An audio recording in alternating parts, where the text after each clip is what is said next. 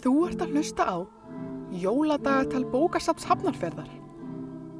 Jólasaga þegar stúfur týndist eftir hremmu. Höfundur les. Fjórði kapli. Auðmingja stúfur átti enga undankomuleið þegar fjölskylda hans kom svöng og askvaðandi í áttinað honum. Hann lokaði augunum og ríð hjælt í livrapilsuna þegar einhver rakst harkalega í hann með þeim afleðingum að hann þeittist í sófan.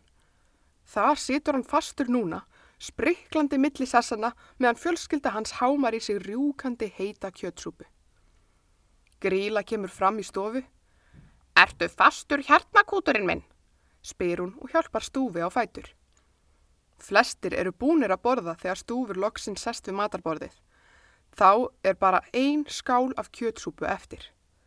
Hann gefur jólakettinum livrapilsuna sem borðar hanna í tveimur bitum. Hann fylgist með kjettkróki veiða síðasta kjöttbitan upp úr súpunni sinni og leggja skálina upp að vörum til að klára hanna í einum stórum sopa. Stúfur sér nokkra drópa renna niður skekkið hans. Takk fyrir mig, segir kjettkrókur og þurkar sér um munnin með erminni sinni. Verði þér að góðu, segir Gríla. Leppalúði tekur við óhreitni skálinni og vaskar hana upp. Þú ætt eftir að segja afsakið, segir stúfur látt en enginn heyrir í honum.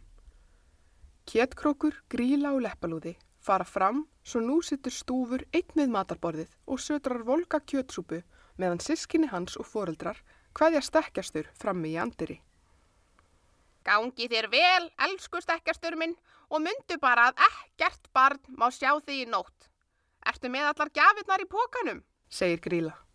Já, mamma, það er allt tilbúið og ég fann meira að segja ullarbólinn minn. Mér verður þá ekki kast í nótt, segir stekkjastur. Ekki glema húfunuðinni, segir leppalúði og réttir stekkjastur langa rauða sparihúfu. Takk, pappi, við sjáumst eftir jól, segir stekkjastur og gengur út. Góða ferð, kalla bræðurnir á eftir honum.